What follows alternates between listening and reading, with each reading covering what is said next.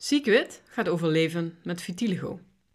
Mijn naam is Petra Willems en in deze Ziekwit podcast geef ik inzicht in de zoektocht, de tegenslagen en teleurstellingen, maar ook de overwinningen op vitiligo. Hoe ik leerde leven met een witgevlekte huid, dat deel ik met jou om je uit te dagen te gaan zoeken, maar ook door te blijven gaan, ook als je door deze ziekwitte vlekken nogal shitterig voelt.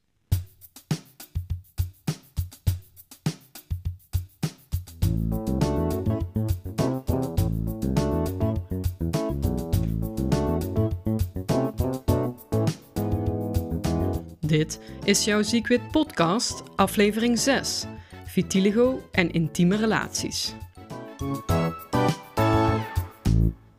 Mijn meest kwetsbare momenten zijn als ik leuk, goed of goed genoeg wil worden. En dat zie je in mijn zoektocht in de liefde heel sterk terug. Misschien herinner jij je eigen zoektocht nog wel. Ga met mij terug in de tijd, toen je je eerste liefde zag. Die eerste blik en misschien was je wel meteen tot over je oren verliefd. Of ging er juist heel langzaam aan iets borrelen. Van binnenuit, in jouw buik, dat kriebelende gevoel. En ja, dan wil je natuurlijk wel buit maken. De hormonen nemen het gewoon over, maken jezelf zeker en je besluit staat vast. Ik ga ervoor. Maar vaak wordt ons hoofd dan ook dominant. En gaan we uit ons gevoel en in het denken. Wat vindt de ander van mij, van mijn familie, vrienden, opleiding, werk? Maar ook wat vindt de ander van mijn accent, mijn uiterlijk, die kromme teen of vieze haren? Tijdens zo'n eerste kennismaking met misschien wel de liefde van je leven wil je gewoon een goede indruk maken. De spanning loopt op, want je weet immers wat je wilt. In mijn geval klopt mijn hart dan in mijn keel. Ik krijg een beetje een droge mond, soms klamme handjes. En ik hoop altijd dat het niet gebeurt, maar meestal is het wel het geval. Ja hoor, klotsende oksels. En daar ga je dan. En doe ik mijn stinkende best. En natuurlijk breng ik dan mijn beste kanten naar voren, want ja, het blijft immers toch een keuring. En natuurlijk camoufleer ik dan ook een beetje mijn mindere kanten. En tot op zekere hoogte is dat natuurlijk oké. Want ook al weet je dat je masker op zijn tijd zal vallen, is dat wel extra spannend. Het is allemaal best begrijpelijk menselijk gedrag. Uh, die eerste indruk maak je tenslotte maar één keer. Hopelijk lach je net als ik achteraf om je eigen gekkigheid en kom je zelfs tot nieuwe inzichten over jezelf. Het wordt natuurlijk een heel ander verhaal wanneer iemand zich op zo'n manier profileert wat gebaseerd is op een leugen. En het is met name met online daten waar je dit wel terugziet. Daar worden bijvoorbeeld compleet gerestylede, gefotoshopte foto's online geplaatst. Of foto's van tien jaar geleden. Die gebruiken ze dan omdat ze denken dat ze er nog steeds uitzien als een jonge god. Maar elke huid heeft op zijn eigen leeftijd zijn eigen charme hoewel er toch vaak schaamte op de loer ligt. Zeker in een wereld waar veel strak gestreken wordt. Ik heb zelf ook veel online gedate en ik kan je vertellen, het was een ware ontdekkingstocht. In de loop der jaren had ik natuurlijk een meer teruggetrokken leven. Maar ik kreeg toch wel behoefte aan mannelijk gezelschap. Dus ging ik online daten.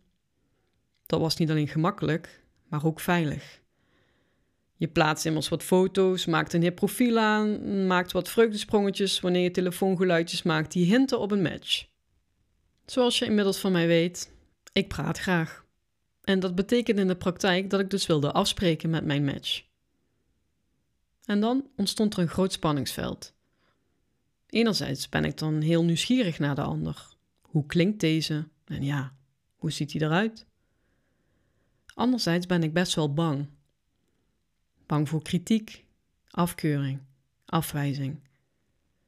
Voor natuurlijk die altijd aanwezige vlekken. Als ik dat fysiek omschrijf, voel ik dat in mijn keel. Als een slot op mijn keel, een sjaal die te strak om mijn nek zit. Maar ik voel het ook in mijn hart. Die afwijzing, die voelt als een dolk in mijn hart, of het daar niet meer klopt, maar verstild, ijzig en koud. Hoe zwaar die energie ook is en voelt, toch neemt de nieuwsgierigheid het altijd over. Ik denk de avonturier in mij. Wat praktisch denk ik gewoon. Betekent dat de hormonen het gewoon helemaal overnemen en op hol zijn geslagen. Maar dan gaat ze wel op pad. En dan is dat moment daar. De datum met mijn date staat gepland. Maar dan begint eigenlijk de hele planning pas. Naar de kapper, want die witte haren moeten geverfd worden. Op naar de drogist, voldoende crèmes inslaan. Scrubhandschoenen en wattenstaafjes. En dan naar de winkel of gewoon naar de kledingkast, want je hoeft niet elke keer iets nieuws aan te trekken. Maar ja, wat doe je überhaupt aan? En dat is ja, de uiterlijke voorbereiding, maar dan die innerlijke voorbereiding. Elke keer, en ik heb wat dates gehad, nam ik me voor, ik vertel over vitiligo. En dan zit je daar aan tafel. Heel ontspannen is het niet. Want ik ben me heel erg bewust van het feit dat ik gekeurd zal worden, bekeken, van top tot teen. Soms zo lang dat het gênant wordt, ongemakkelijk.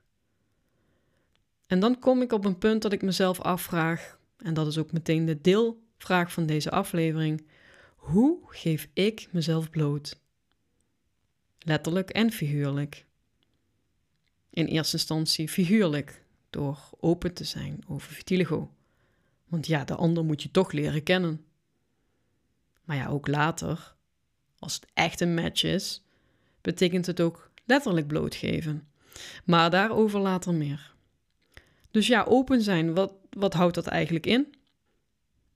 In mijn voorbereidingen op die date ging ik dan nadenken over wat ik daarover wilde delen. Gewoon open zijn over hoe het is ontstaan. Meteen aan het begin van de date. Dan ben ik er vanaf en hebben we het gehad en kunnen we door. Dan hoef ik dat geheim niet meer bij me te dragen en kan ik misschien ontspannen omdat ik dan het idee heb dat ik niet betrapt kan worden. Vertellen wat vitiligo met mij persoonlijk doet, meer op de emotionele laag. Ja, ik vond dat niet zo'n goed idee om dat in een eerste date of een tweede date te vertellen. Die man moet ook denken, pff, veel te zwaar allemaal, veel te beladen. Hoe vaker je gaat daten, hoe meer je in een soort van comfortzone komt. Dan leer je ja, ik word bekeken. Ja, er wordt lang gekeken.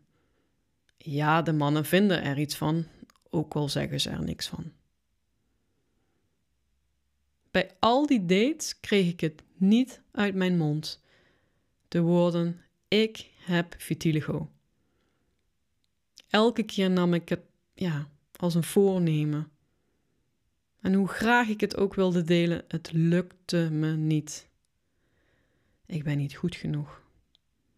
Je bent niet mooi genoeg met die vlekken. Deze overtuigingen zaten zo in mijn hoofd. Het leek wel de waarheid. Als je er zo uitziet, krijg je nooit een vriend. Telkens weer die zinnetjes, voor, tijdens en na mijn afspraakjes. En toen was ik het zat. Waarom zou ik geen vriend mogen krijgen? Het is niet dat ik hierom gevraagd heb, of wel? Waarom mag ik niet gelukkig zijn? daar is die vraag weer. Waarom? Op die momenten was het echt super makkelijk om weg te zakken in een soort slachtofferrol of pure negativiteit, neerslachtigheid. Ja, dan ben je niet echt gezellig gezelschap voor je date, kan ik je verzekeren. En sowieso, die continue focus op jezelf, alleen maar met jezelf bezig zijn, die stemmetjes, dat brengt je uiteindelijk wel bij jezelf. En in mijn geval bij alleen zijn, of zelfs eenzaamheid. Want ja, je raadt het al. Waar ik zo bang voor was, kwam ook uit. God, wat jankte ik toen hij en al zijn volgelingen mij afwezen. Dat was zo pijnlijk. Het leek wel of ik kon verdrinken in verdriet. Was de reden van afwijzing de vlekken?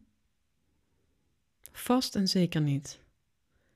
maar wel om hoe ik ermee omging, om hoe ik in het leven stond, om hoe ik mij opstelde naar de buitenwereld, mijn medemens.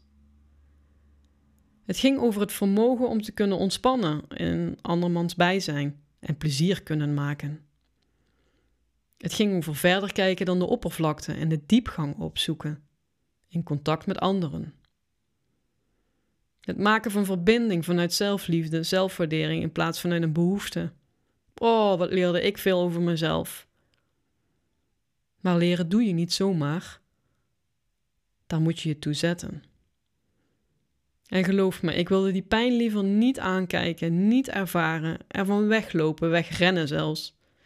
Ik gumde het liever weg zoals je vroeger alles mooi kon wegpoetsen en gladstrijken als je een tekening maakte en in die jouw ogen mislukte. En dat je dan flink ging gummen om er toch iets mooiers voor in de plaats te zetten. Als iets misgaat en echt herhaaldelijk mislukt, word ik een soort van, ja, wat ik noem reflecteermachine. Terugkijken. Wat is er nou allemaal gebeurd? En dan probeer ik echt oprecht naar mezelf te kijken. Wat denk ik? Wat doe ik? En ook wat wil ik? Wat kan ik hiervan leren?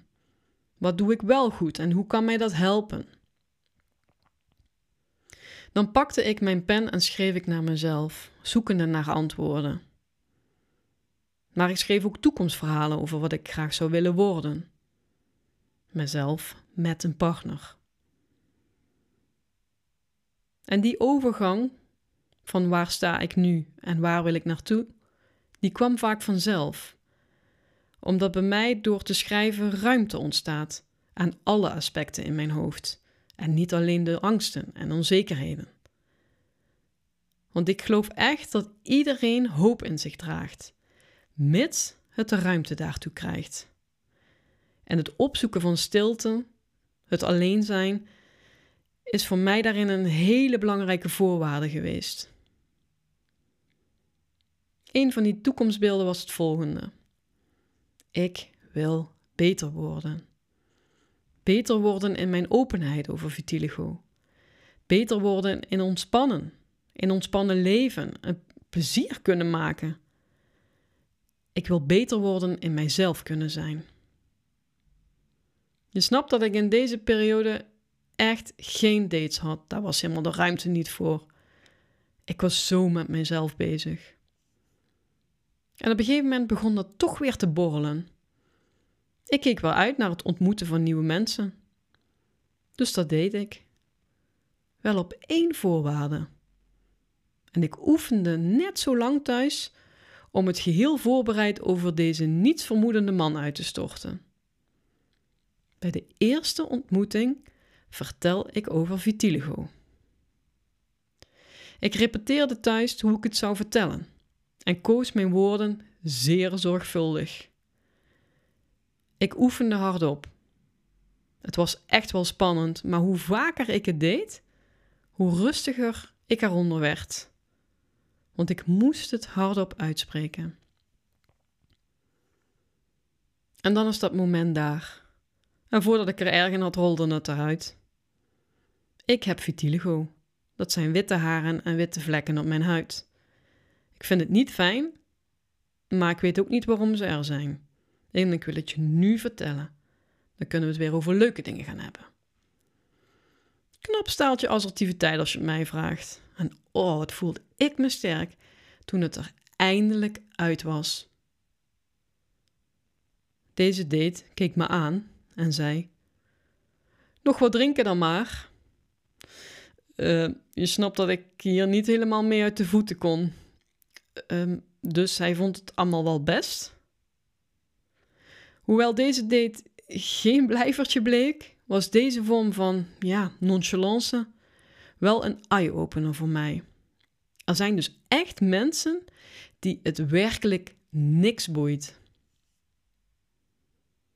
Later ontmoette ik mijn huidige partner.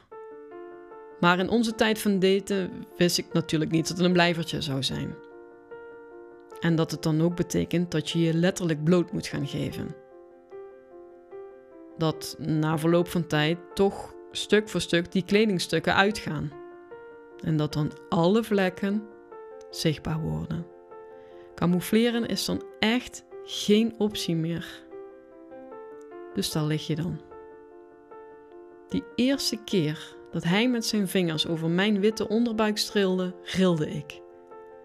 Van angst. En eerlijk is eerlijk, ook van genot. Dan kom je op een punt dat je samen besluit: we gaan ervoor. Echt bloot zijn, naakt, geen bedekking meer.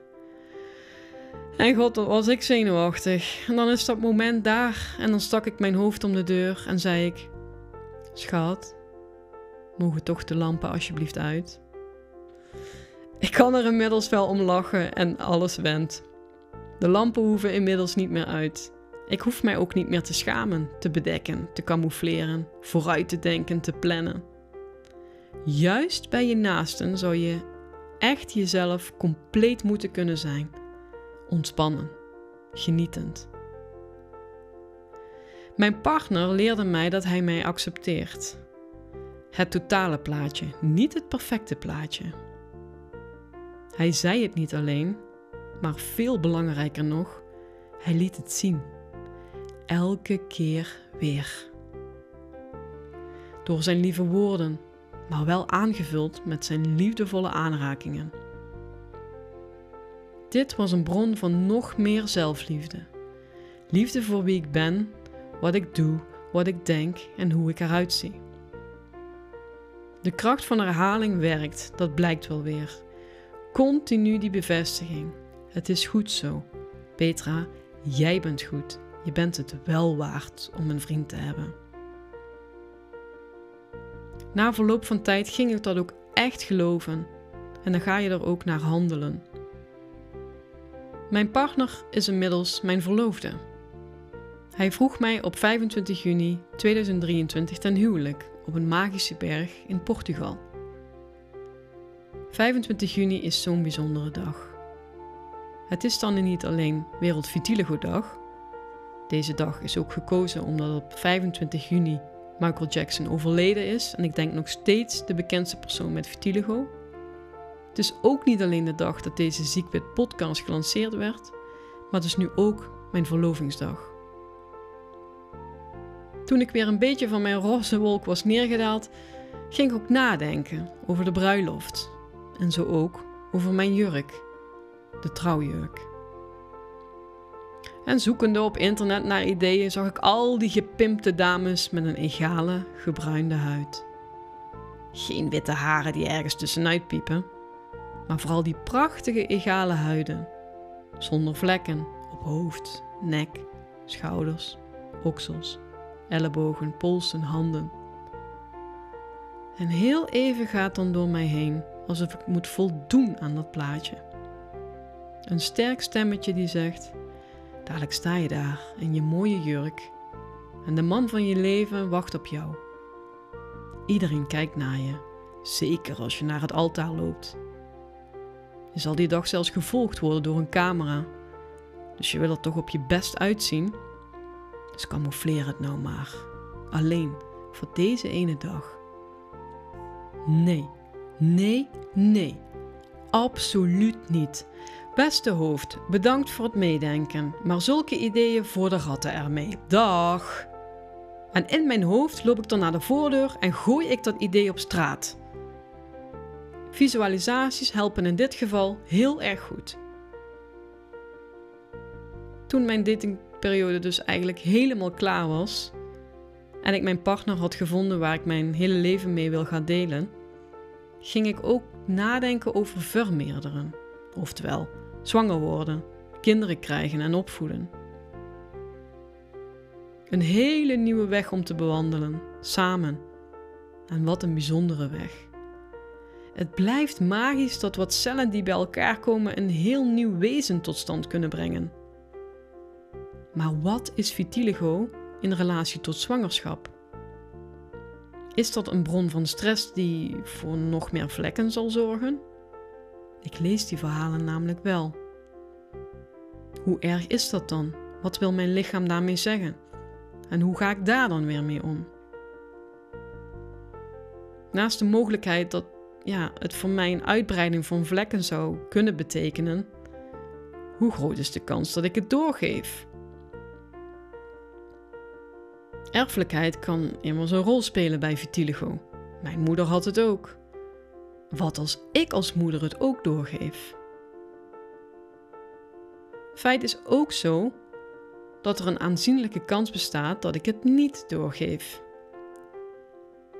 Je snapt dat dit best wat grote vraagstukken zijn die ik niet eenduidig kan beantwoorden. Juist door al die onduidelijkheden die met vitiligo gepaard gaan. En zo sta ik nu samen met mijn partner voor een nieuwe uitdaging.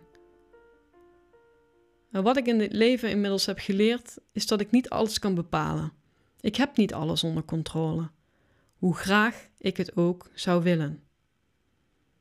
Maar ik weet ook dat ik wel invloed kan uitoefenen, heel veel zelfs, mits ik mij op de juiste zaken focus.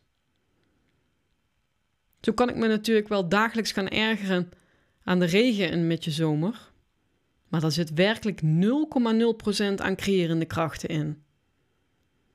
En in plaats van te focussen op hoe ik denk dat ik zou moeten zijn, zoals dat voorbeeld met een egale huid in die bruidsjurk, kan ik ook focussen op wat kan zijn.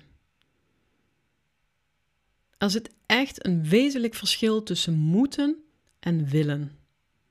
Een verschil tussen wie ik moet zijn en wie ik wil zijn. En de keuze van woorden en de kracht van herhaling kan voor mij echt een enorme bron van motivatie worden, in plaats van een bron van frustratie.